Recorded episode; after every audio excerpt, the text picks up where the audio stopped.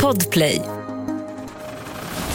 Om det här, det här lagförslaget kommer klubbas igenom så kommer det innebära då att USA har eh, laglig rätt att ta all material som finns från de här programmen och att det är i den amerikanska statens ägo.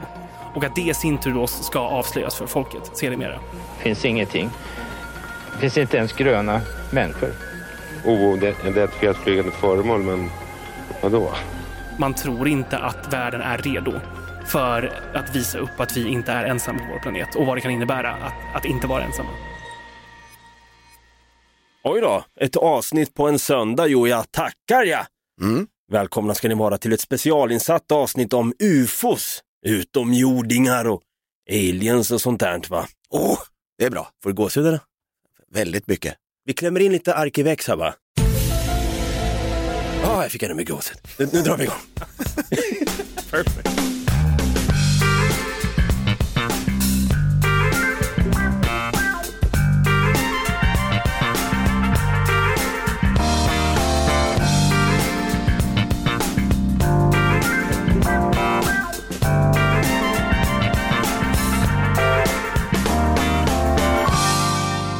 Hjärtligt välkomna ska ni vara till en söndag då, då ett specialinsatt avsnitt av den här podden Något Kaiko. Jag heter David och jag kallas för Dava. Och på andra sidan, han är sponsrad av Vans idag ser det ut som. Vans eh, solbriller och en Vans eh, tröja på det. Står han där i alla fall, Stefan Brutti, kung Tutti Holmberg. Så jag tycker vi kör som vanligt en applåd och en liten tuta på det. Och jag måste bara säga en grej, äntligen så har vi lite nytt blod i studion. Vi har ju haft gäster i tidigare avsnitt som vi liksom har återanvänt flertalet gånger.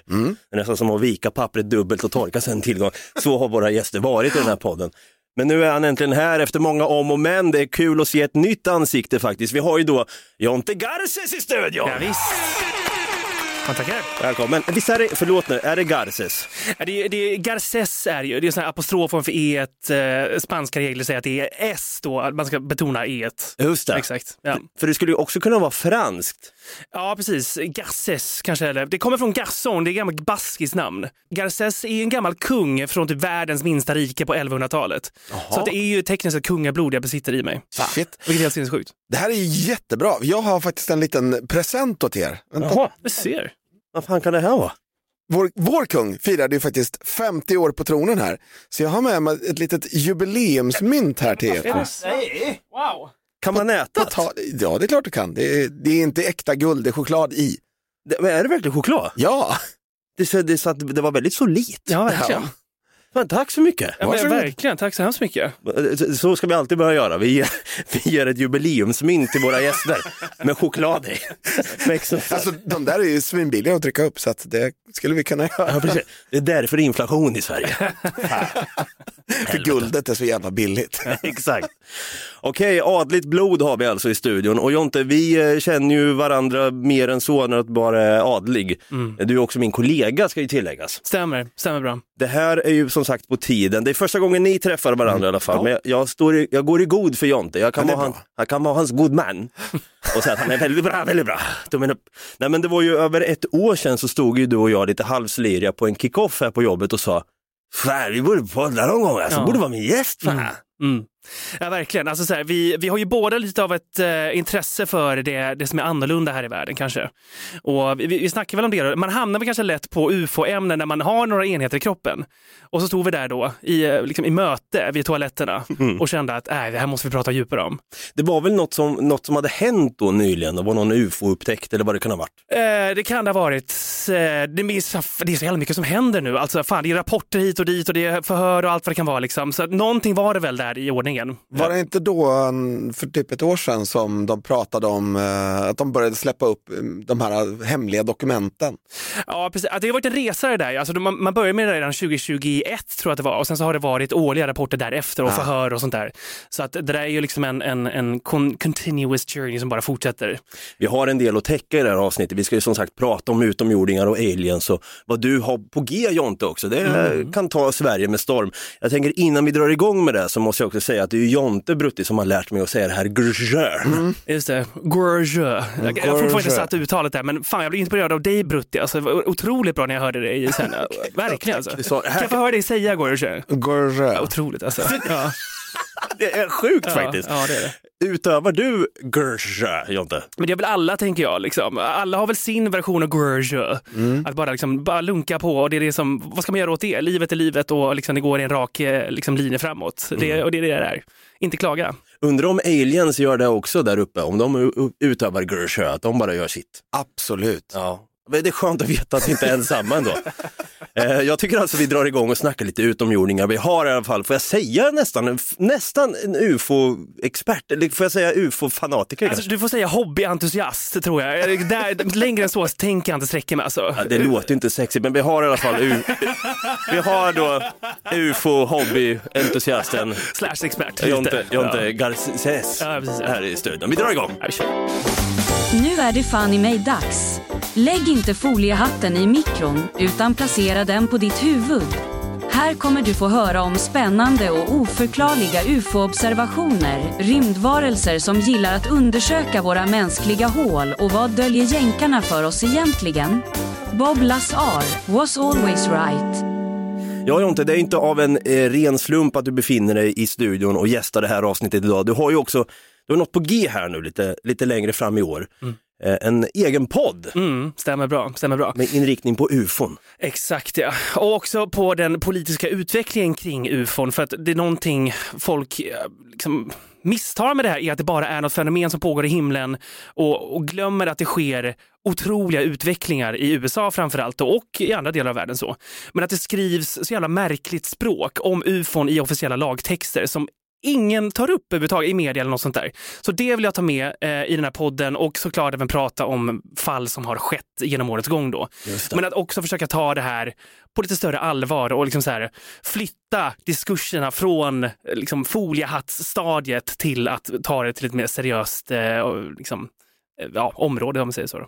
Men planen för senare år när podden kommer då i alla fall är att den ska heta Världen bortom vår. Oh, vi klämmer in lite Arkivex igen. Jag fick gå sen.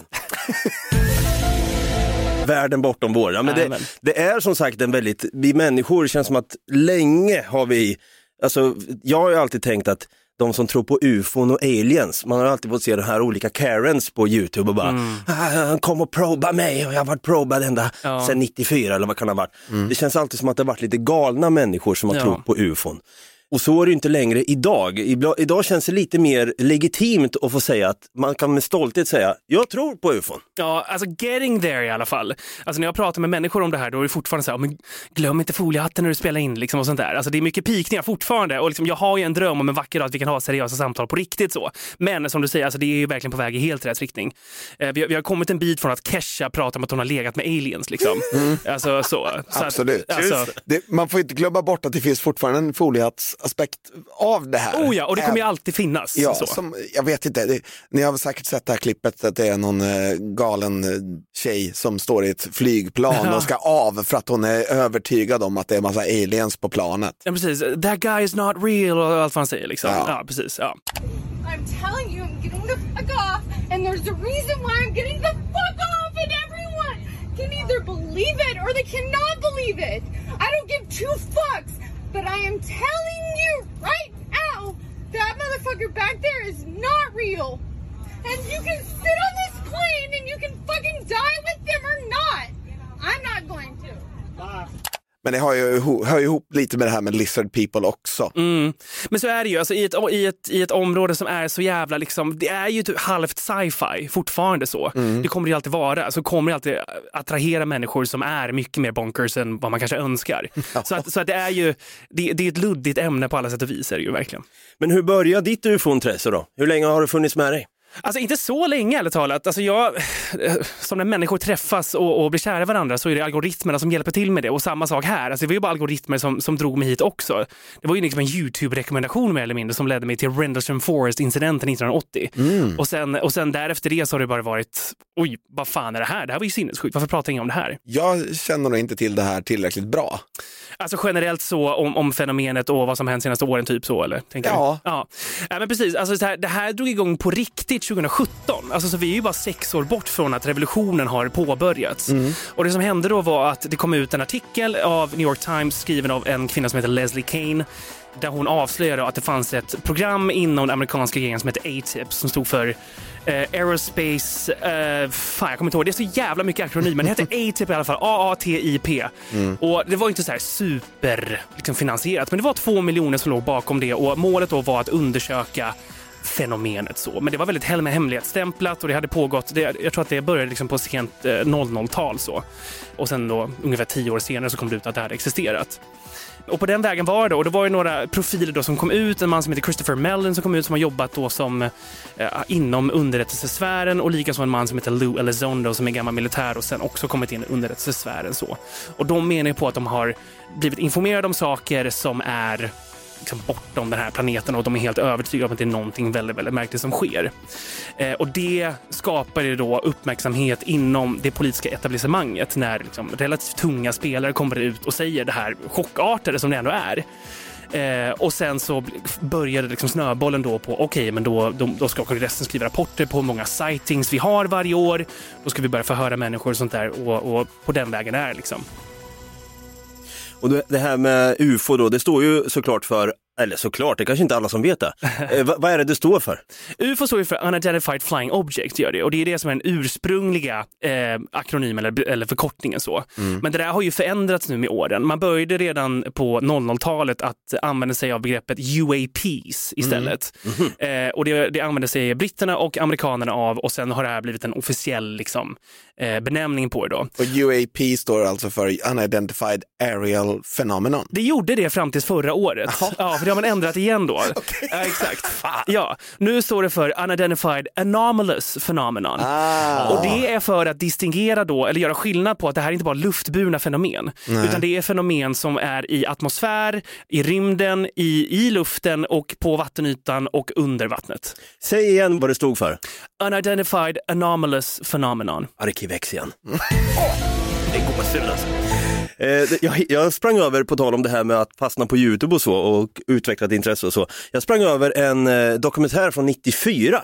T- TV3 hade gjort den och då sprang de runt på stan då och frågade vad är, vad är ett UFO? Vad är UFO? Ordet UFO och så vidare. Och så här sa då folket då, det här är ju snart 30 år sedan. Det är lite kul att höra kanske. Det är en eh, flygande sak i luften som jag inte riktigt vet vad det är. Jag tror på det. finns ingenting. Det finns inte ens gröna människor. Det kan ju inte vara den enda planeten där det finns liv. UFO, det är ju sånt som kommer från rymden. Det tror jag däremot kan finnas. Min bror har faktiskt sett tre konstiga ljus på himlen en gång. Så väldigt konstigt. Sådana som inte har hemma här. Oidentifierat flygande föremål, men vadå? Vadå ja? Vadå, lite neggig tycker jag. Fan. Men vadå? Vadå? inte imponerad alls. Jag hade, jag hade blivit jätteimponerad om man såg från så här Independence Day, sånt där jävla skepp. Jag hade bara, i helvete bara, Han vadå? Vadå då? Vadå? Men okej, unidentified flying object, alltså ordet UFO. Det behöver inte betyda att det är då från yttre rymden, att det sitter en liten grön människa där i som någon sa där. Nej, precis. Det kan ju vara att, eh, oj fan, en ny kinesisk drönare som flyger nära Gotlandsgränsen här. Det kan ju också vara ett UFO. Exakt, exakt. Och det, det, är det, alltså det är unidentified, det är det som är naturen av det. Det är oidentifierat. Man vet inte vad det är för något. Jag minns ju, jag vet inte om det här var en Norrköpingsgrej, men vi kallade ju när man vi- ville vara lite elak, sa vi, ditt jävla UFO! Har du, sagt- har du sagt det någon gång? Nej, Har du inte sagt så? nej. Jag blev kallad ditt jävla UFO, där var dra åt helvete med. Ja, men jag flög inte så mycket så att jag... Nej, just det, här, de kastade ju runt mig där på skolan. Min mamma kallar mig för ganska mycket alltså när jag som ungdom, så det, det är ett begrepp jag är väl liksom, bekant med. Alltså. Det är så. Ja, verkligen. Ja. Det är lite elakt att säga ditt jävla unidentified flying object. Jag tänker så, Ursäkta, unidentified anomalous phenomenon är det faktiskt. jag vet inte vad fan, jag kanske identifierar mig som ett flygande objekt.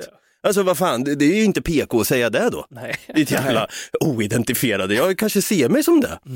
Men eh, jag vill bara säga så här då, kan du försöka övertyga oss och även våra lyssnare, varför ska man tro på ufon? Jag tänker att det har blivit dags för Jonte, hobbyentusiasten eh, Garces, för en liten power minute. Varför ska man tro på ufon? Är du med på det? Jag är så jävla med på det. Ja, då, vänta, jag ska dra igång klockan här. Då ska du försöka få... Det, är, det är 90 sekunder tror jag att det är. Det är 90 sekunder, Ja. okej. Då ska Ja. vi se här. Power one and a half minutes. Ja, precis. Orent, Då men ska så vi- var det va? Då ska vi se, vänta ett ögonblick bara. Eh, vart fan har vi tidtagaruret då? Här. Jag drar igång timern, eh, du, du får börja när jag säger go. Mhm. Eller UFO. Okej.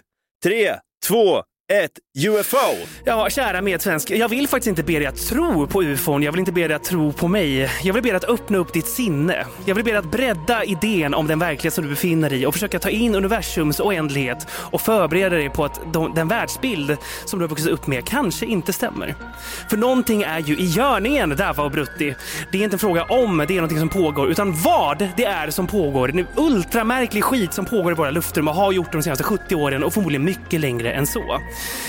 Hur kan en farkost förflytta sig 15 000 meter på 0,78 sekunder? Vem har den teknologin? Är det Ryssland? Nej, för Ukraina är fortfarande ukrainskt. Är det Kina? Nej, för då hade något kajko snackat på mandarin och det hade varit gorge för full jävla rulle.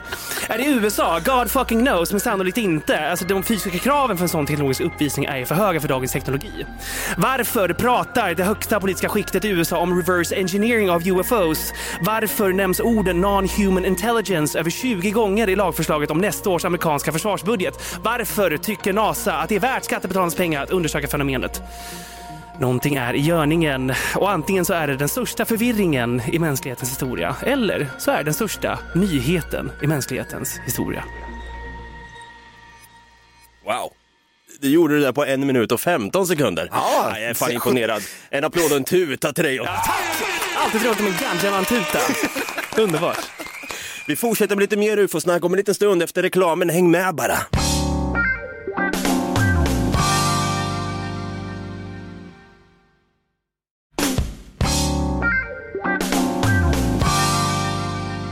Ja, välkomna tillbaka ska ni vara till UFO-podden.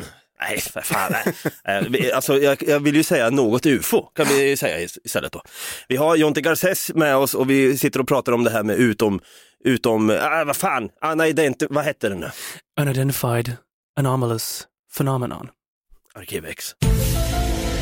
Kan komma in lite grann på aliens också, jag är lite fascinerad av det. Men innan vi ska prata om lite grejer som vi kanske själva har varit med om och, och så vidare. Tror ni på Big Bang-teorin? Jag frågar dig Brutti. Ja, Tveklöst ja. tveklöst. Jonte, Förmodligen, ja, ja, ja, ja. ja.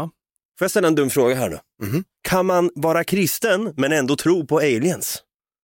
Men de kan väl fan få in allt i sin världsbild, Ja, tänker jag. jag tänker, ja, kristen, kan, alltså, men religiös kan man väl vara, för det, det, det, scientologerna tror väl på aliens. eh, Ja, precis. Är det de som tror att liksom, allting skapades av att det kom aliens och planterade liv på jorden? jag typ? tror det. Ja, jag, nu inte, ska jag inte vara helt säker på det, men jag, jag är rätt säker på att det är jag tror de vi tänker på South Park-avsnittet kanske när de eh, visar “This is Ja. actually what they believe”. ja.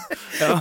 Nej, men det, för att jag vet ju att vi hade ju i eh, konspirationsbonanza, det här är ju flera, flera år sedan nu, Mm. vi var med hos Smile och vi pratade om pyramiderna, hur de byggdes. Mm. Att de byggdes då av Anunnaki, det var någon sån här alienras som var jättelång och stora och kunde, för vi människor skulle omöjligt kunna bygga sådana här pyramider. Då. Det. Det måste väl ändå vara för en, en hobbyentusiast som dig, att man blir lite nördig i det också kanske, eller?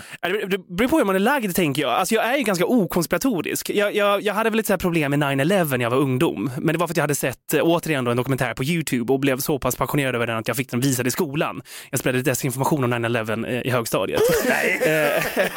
Vad skrev du Men fan, det är då? ju lärarnas, det är ju läraren, lärarens fel för fan, tänker jag då. Vad sa du då? Nej men alltså det, det är mycket så här små saker som man kan få in i liksom konspirationsskiktet i, i 9-11 så. Och, Ja. och det var ju bara ett batteri av allt det där liksom. Eh, så.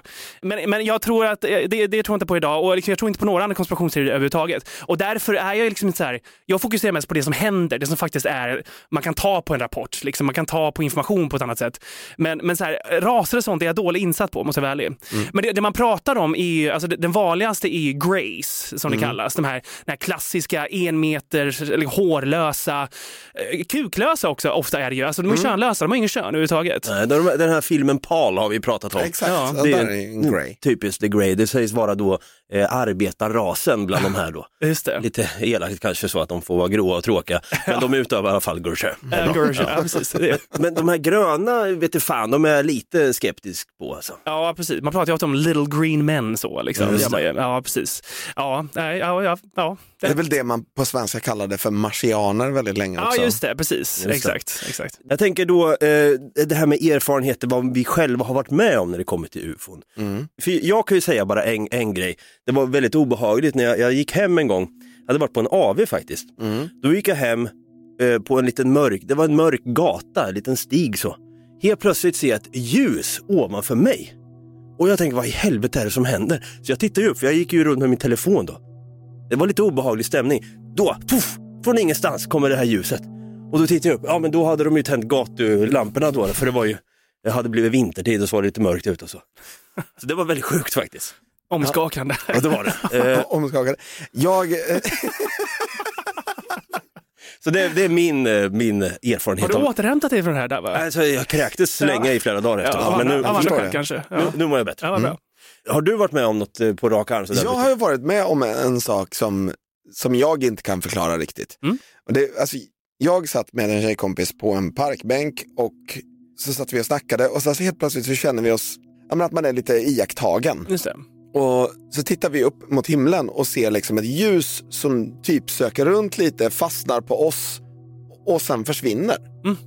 Och det här, liksom, vi bara tittar på varandra och bara, fan vad märkligt det där kändes.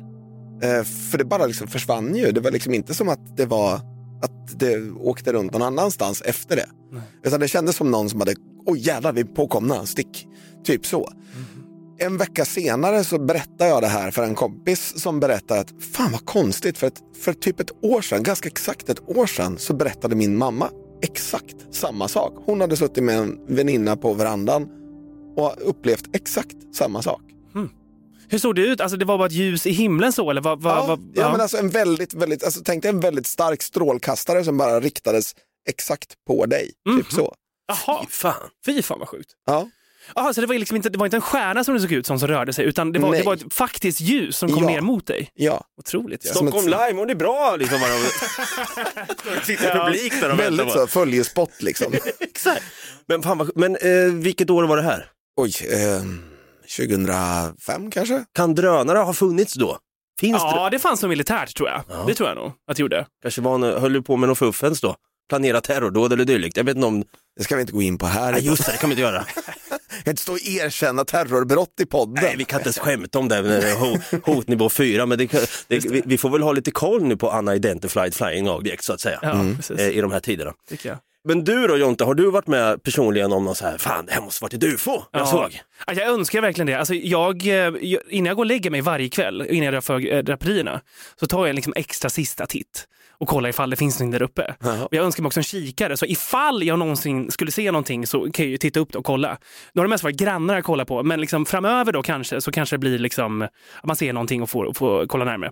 Men jag, har- jag har inte sett någonting. Men en, jag, en polare till mig trodde i tio år att han hade sett någonting. Det var samma sak som dig, han har kommit hem från en fest. Det är alltid från en fest, ironiskt nog, och det är mörkt ute. Ja, verkligen. Ja, precis. Kanske Eh, ska sluta röka ganja. Jag får nog göra det. Exakt. Men, men så han går där liksom på en mörk stig och ska vandra, eh, vad kan det vara, 40 minuter bort hem. Liksom. Och sen så, så ser de att det uppdagas någonting i, i himlen, det är cirkulärt och det ser ut att vara spotlights under det. Och den snurrar långsamt och hänger liksom, några hundra meter upp i luften. Och de tittar på det där och, och liksom, an, min polare frågar den andra, bara, ser du vad jag ser? Jag bara, ja, det här är helt sinnessjukt. Och sen så går de därifrån och fan, de är helt chockade så. Och han, han väcker mamma, vad ser du vad jag också ser? Och de, de sitter uppe och kollar i flera timmar och det, ja, det, det sitter ju där i luften, det här är ingen synvilla. Eh, Så det här förändrade ju då min polares eh, sätt att se på världen. Han blev ju en alien-fantast, eller ufo-fantast efter det. Men sen så såg vi ju en bild bara för några år sedan på en, eh, en strålkastares projicering på himlen. Och det såg då alltså identiskt ut med vad min polare såg.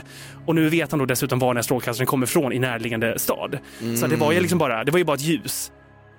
Vilket antiklimax! Alltså jävla antiklimax. Fan, Ja, jag vet. Jag var så jävla taggad på det liksom, länge, men så såg vi den bilden och det, nej, det, nej, det går inte att tro på. Nej. Nej. Nej, för jag är ju den, jag, har, jag väntar ju ibland, det är därför jag går hem så sent, för det känns alltid som att man ser ett ufo sent om nätterna. Det är aldrig så här, alltså på dagtid det var något så här jävla konstigt som flög över mig, jag har aldrig hört det. Det ska alltid vara lite mörkt. Mm. Man ska knappt se, om man, om man nu ska ta en bild så ska man liksom ha, man ska helst ta bilden på ufot med en tegelsten då, så att man, man ser knappt vad det är. Man bara, vad fan. En pixel. Ska Ja, ja. Fanns kameran ens på Nokia 3310?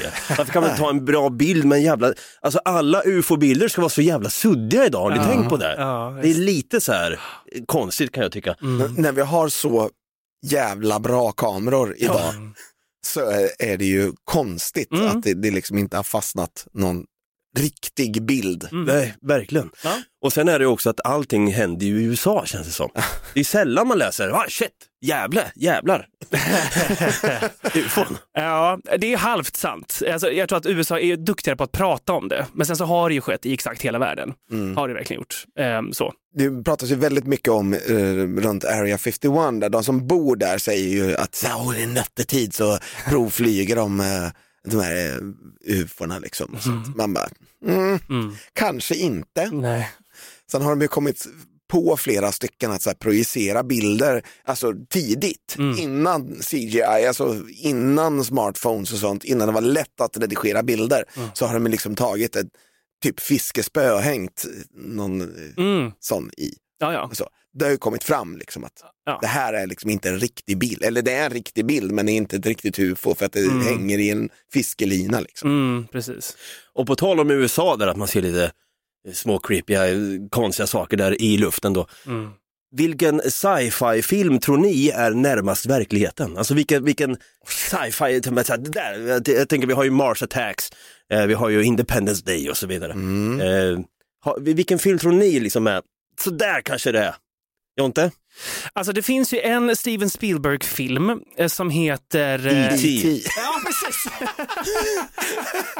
Får jag bara säga en snabb grej? Har inte E.T. liten sån här slå på käften-aura? Man, man, man, man vill ju ge E.T. på käften.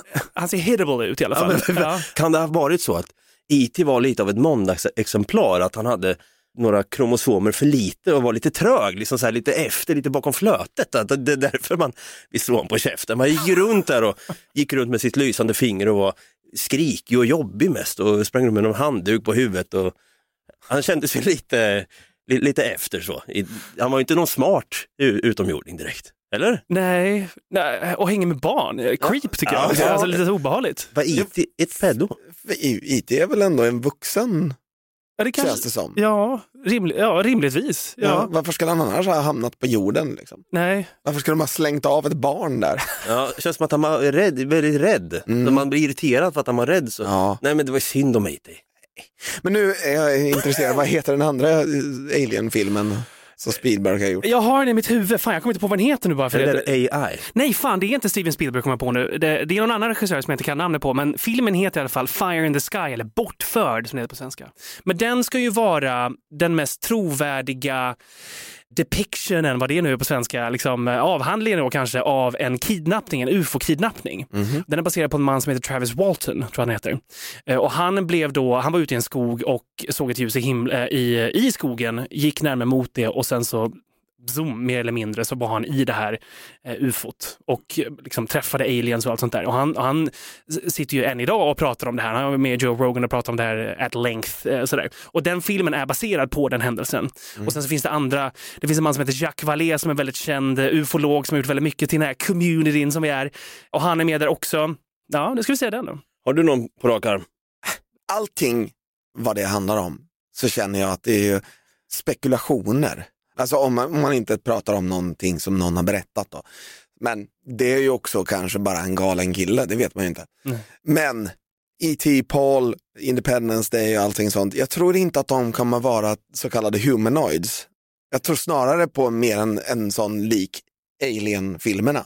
Mm, just det. Att det, det är liksom en helt annan sak. Reptilaktig typ. Ja, men, Eller ja, jag vet inte om man kan kalla dem för reptilaktiga i Alien, men Okej. typ mer, mer att det är liksom en, en annan typ av varelse. Så, som vill oss ont då?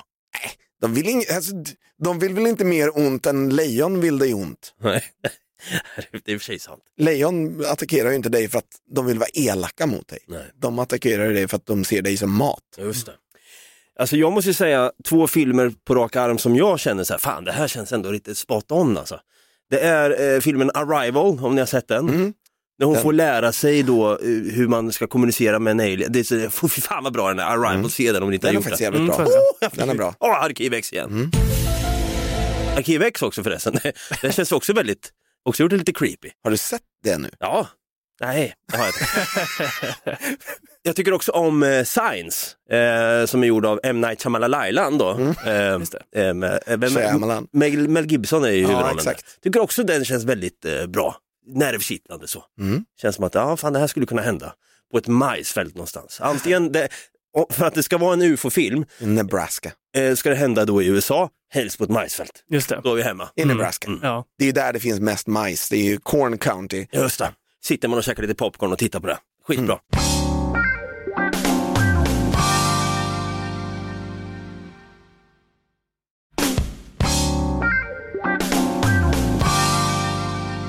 Jonte, den mest, vad hade du sagt är den mest uppseendeväckande ufo-skådningen som någonsin har gjorts? Mm. Finns den dokumenterad?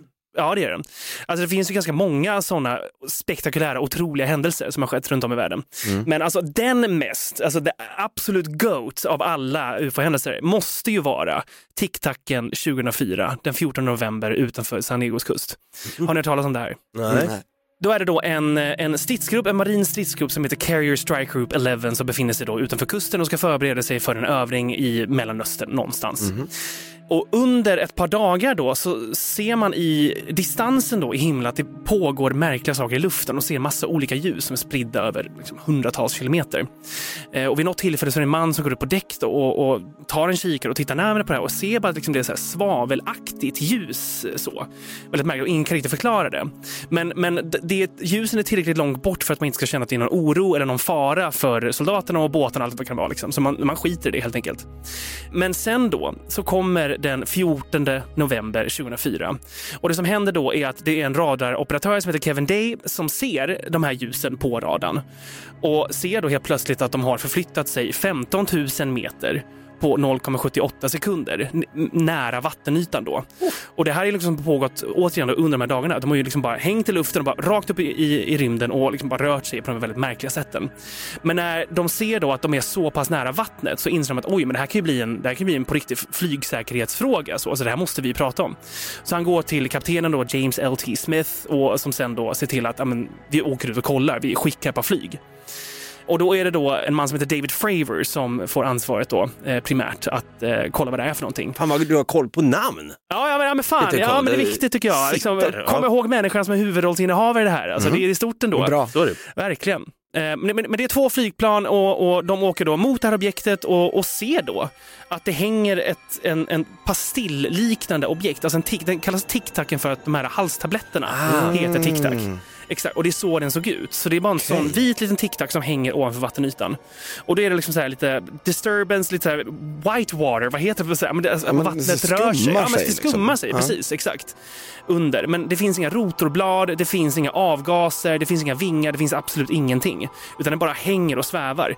Eh, men han ser också då att eh, när han studerar den här tic-tacen att den rör sig på ett pingisboll-liknande sätt. Alltså så att den går framåt och sen så går den höger och sen höger, vänster och liksom så. Väldigt konstigt och det finns liksom ingen motstånd i när den rör sig så. Den rör sig helt utan problem. Och då, och då tänker David Fravor att men fan, vi, vi kollar på det här närmare då. Så då, då åker han ner och märker då när han närmar sig objektet att den här tic-tacen noterar honom. Han åker, så tic-tacen åker då upp och David Fravor närmar sig och då börjar de åka liksom motsols på något sätt, så de jagar varandra. Så det sker liksom en, en snabb liten katt och råtta-lek där de följer efter varandra. Oh. Och då så tänker David att Nej, men jag försöker att kutta igenom den här cirkeln då. Så han liksom bara vrider, vänder planet, åker emot det och då försvinner tic-tacen bara. Den är bara så, boom, försvinner. På, på en sekund. Från ingenstans. Jävlar. Och det sjukaste med det är att han, han blir liksom chockad först. Vad fan är det som händer? Så. Men det sjuka är att när de är på väg tillbaka så får han meddelandet då om att det här tic-tacen befinner sig på exakt den koordinat som de har som uppsamlingspunkt. Och det är bara piloterna och några få på besättningen som känner till den här punkten. Nej. I rymden, i, i luften. Oj jävlar. Ja. Eh, Och den befinner sig också på exakt den koordinaten. Men vad fan, men okej. Det är ju jävligt sjukt. Det är sinnessjukt. Men, men vad, vad kan det här ha varit då? Vad, vad säger eh, forskarna eller vad man ska säga? Vad har de för teorier kring det här? Eh, det är unidentified, vi har ingen aning. Alltså det, det är väldigt lite transparens, men det som hände efteråt var ju att det var massor med civilklädda eh, människor, oidentifierade även de då, eh, som kom dit och samlade ihop radardata och massa sånt. Och sen har man inte fått höra någonting om det. Sector 7. Ja, Jävlar, Ja. ja. okej. ja. Så precis. den där, tycker du att den där klår Area 51? Roswell-incidenten? Just det. Ja. Slår TikTok eh, den här då? Jag tycker absolut. Den gör det? Absolut, ja, definitivt. För det här är ju, alltså vi har tre olika radarsystem som har sett det här. Mm. Vi har en pilot som har sett det med blotta ögat. Vi har sett en teknologisk uppvisning som är bortom all förklaring som finns Mm. på den här planeten. Alltså för att om, om, om man skulle räkna på G-krafterna så är ett, ett konservativt estimat att G-krafterna skulle vara runt 500 G som de, som de upplever. Och det. 500 G. Eh, och det är konservativt. Och kollar man då på en F35 tror jag att det är som är liksom det, det, det bästa vi har. De kan utstå 13,5 vid absolut max. Så. Mm. så det här är långt, långt, långt, långt, långt bort ifrån vi har idag. Mm. Ja shit, fan eh, tack för den där updaten. Jag hade ingen aning om den här TikTok, vad ska man säga, spaningen. Nej, inte jag heller faktiskt. Så att det var ju fruktansvärt intressant att lyssna på. Här i Sverige så har vi ju de här eh, UFO, UFO Sverige, som de kallas, en liten förening. Mm. Claes Svahn, han är ju den främsta UFO-forskaren som vi har här i Sverige. Kanske i världen, fan med. Alltså, Det är till och med i är världen. Otrolig. Ja. Ja, jag har träffat honom. Har du träffat Claes Svahn? Ja. Ja, men när du jobbade med, vi kommer komma till det, men Ja. Men jag jobbade ju med filmen UFO Sweden och då träffade jag Claes Svahn. har du fått äran att prata med Claes Svahn? Flera gånger, ja det har jag. Ursäkta? Ja visst ja. Är privilegierad en man är jag. väldigt trevlig eh, kille Ja, faktiskt. Otrolig alltså. Otrolig. Herre hade jag nog sagt. Jag- Man säger inte att ja, Claes Svahn är bara en vanlig kille, han är en herre. Han är en herre. Ja. Dignified. Ja, Ja, Arkivex igen. Ja. Men, eh, för då antar jag att du har pratat med Claes Svahn till din podd då? Kanske? ja, precis. Mm. Han eh, är ju med då, han är väl vice ordförande för UFO Sverige idag. Han har blivit ordförande igen tror jag. Han, har blivit, han hoppar Ja. lite fram och tillbaka Ja, där. precis, ja. Mm. Jag vet ju från den här dokumentären som jag pratade om innan, så eh, gick ju det här samma team ut och frågade folk på stan i Skellefteå, känner ni till UFO Sverige? Vad tänkte folk då, redan 94 alltså? UFO Sverige, jag känner det. Jag vet inte alls vad det är för någonting överhuvudtaget.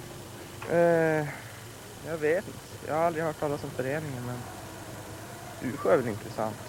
Ja, de forskar ju om det här okända som finns, kanske.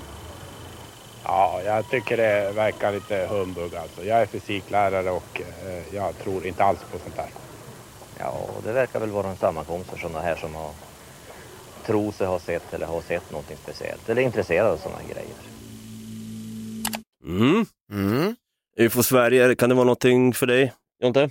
Eh, organisationen tänker du då eller? Mm, vill du gå med där? Ja, ja, ja, ja, det måste jag göra. Jag känner att jag har ett ansvar att ha, att jag har. Alltså jag måste göra. Verkligen alltså. För att gå med där så måste man ju bli fältundersökare också. Så man måste gå en liten utbildning. Är det så? Ja. Jaha, fan det visste jag inte. Men det låter ju kul ju. Ja. Ja.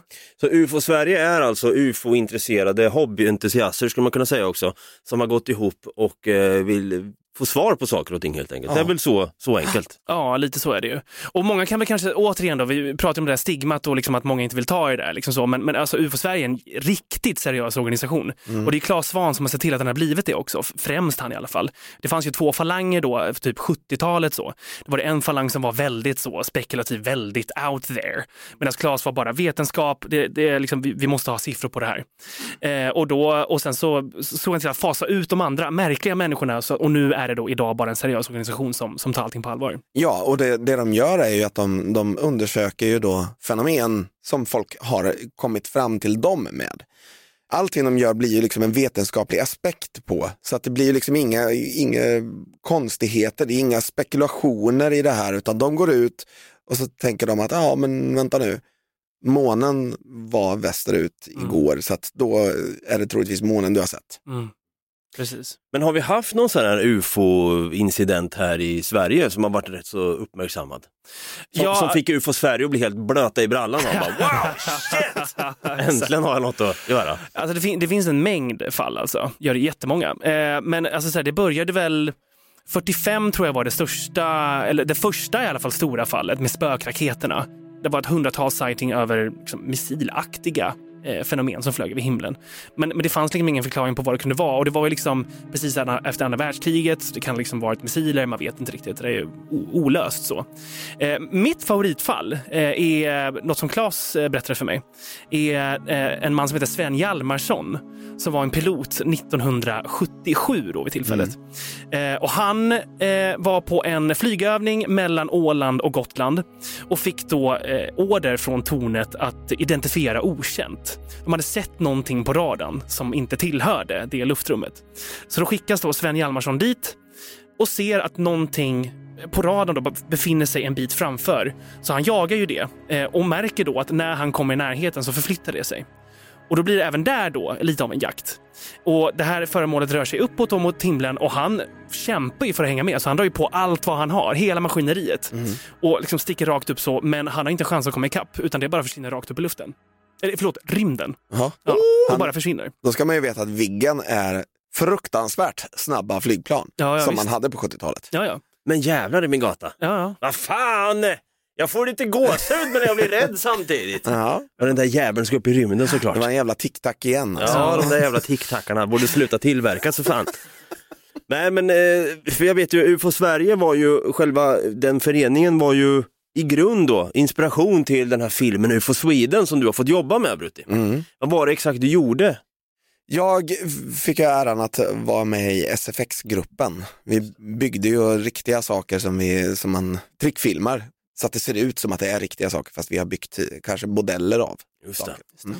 UFO Sweden är ju gjord då av eh, Norrköpingsbaserade filmbolaget Crazy Pictures. Mm. Eh, se den om ni inte har gjort den, den finns väl på Netflix att se va? Det gör den. Ja. Den finns på Netflix. Eh, får man se också hur vårt, vårt vackra Norrköping också. Mm. Men jag bara tänkte, jag tror att Claes Svan upplevde att, vad fan, för de har ju gjort det här UFO Sweden som föreningen heter i filmen då. Mm. Lite nördiga, lite töntiga och Stranger Thingsiga och så här, att de är, de är lite, vad ska man säga, kufar. Mm. Tror att, eh, hade inte han några synpunkter på, men vad fan så här nördiga och tokiga är vi inte. Nej, det tror jag faktiskt inte. Nu, nu har inte jag pratat så mycket med Claes eh, att vi eh, kom in på den grejen överhuvudtaget. Men ja, jag tror att de, de har känts som att de var väldigt nöjda med resultatet av UFO Sweden. Jag tänker att de, de förstår att det här är film, inte riktigt. Och att de har baserat det på UFO Sverige, det tror jag bara att de tycker är kul. Claes Svahn är väl till och med en, en karaktär. Det, han heter ju inte Claes, men det är väl någon karaktär som är baserad på Claes Svahn. Ja, jag till och med. exakt. Mm. Är det huvudrollen kanske då? Han, den där. Ja, huvudrollen är ju en, en 14-årig Ja, tjej. det. Så att, eh, Ja det blir ju konstigt. Jag vet inte hur han, vad han identifierar sig som. Nej, jag menar det. Har du sett filmen? Jag har tyvärr inte gjort det. Jag har måste inte göra gjort det? Nej, alltså jag har inte sett någon ufo-film. Jag är så jävla långt. Jag har inte, jag har inte sett Star Wars. Jag är där liksom. ja. Är det så? Ja, det är så illa alltså. Ja, det är det. Åh, jag tappar hakan. Jag, Ja. jag kan säga så här, jag, jag kan lotta ut en, eh, en sån här guldpeng om man hittar mig i filmen. Är det så? Ja. Det vill man inte missa den här guldpengen kan jag säga. Verkligen. Håll utkik efter Brutti i UFO Sweden alltså. Ja, Finns på och jag kan säga att man, man, man kan inte se att det är jag, man måste veta var jag är någonstans. Okej. Så, men, men håll utkik, ni kanske ser mig. Som det UFO du är. Ja, vi ska börja avrunda här lite om en stund, men jag måste ju höra lite grann. Du har ju pratat om att du är väldigt, du är intresserad Jonte av politiken bakom det här med ufon. Mm. Det finns alltså politiska syften i det här, eller vadå?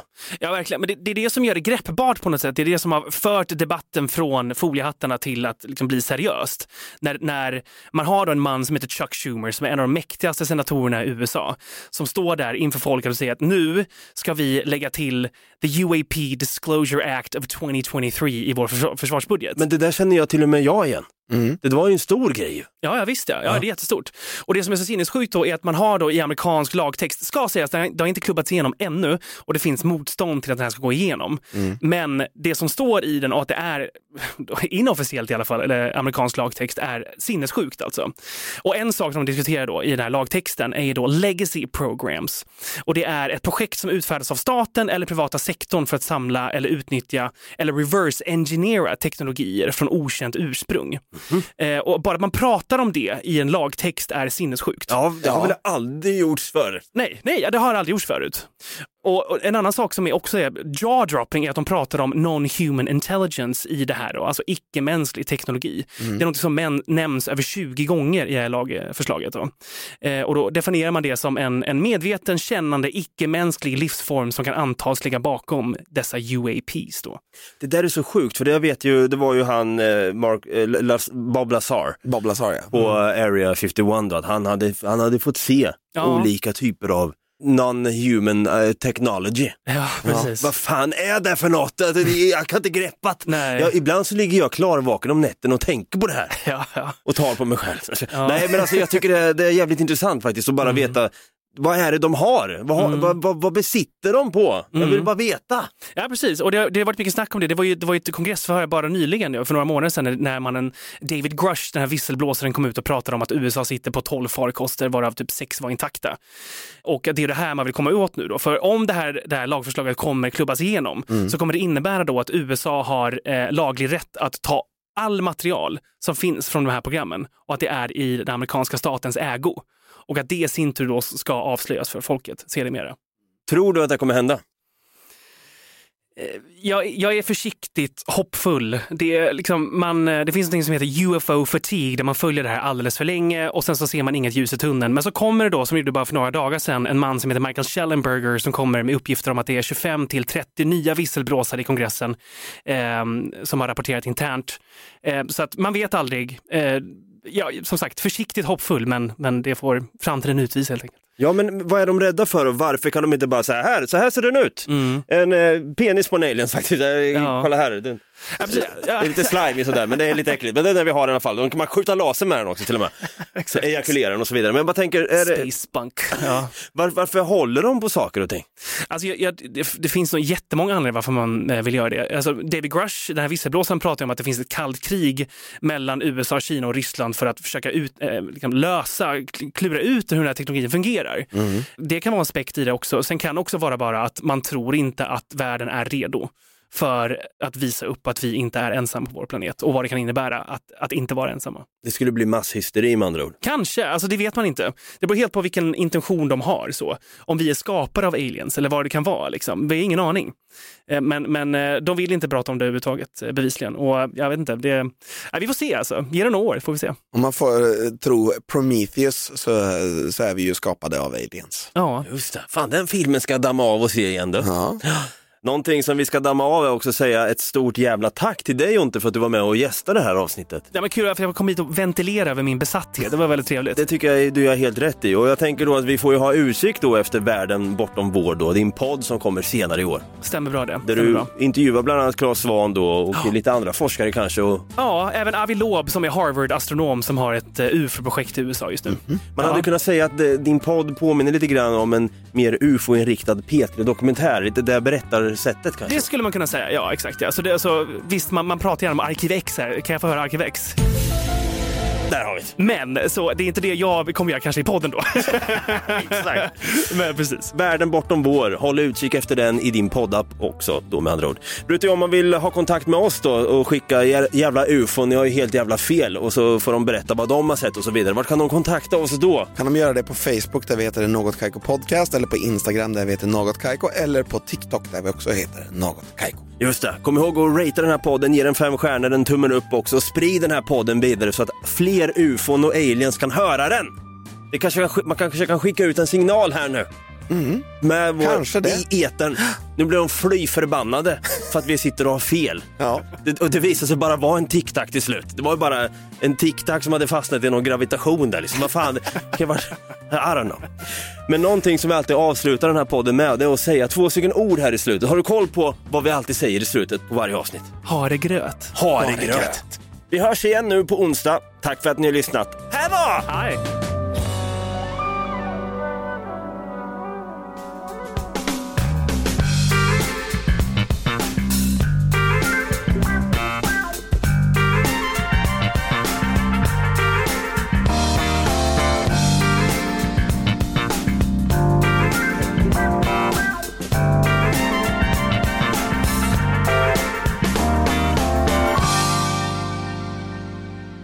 Vadå? Podplay, en del av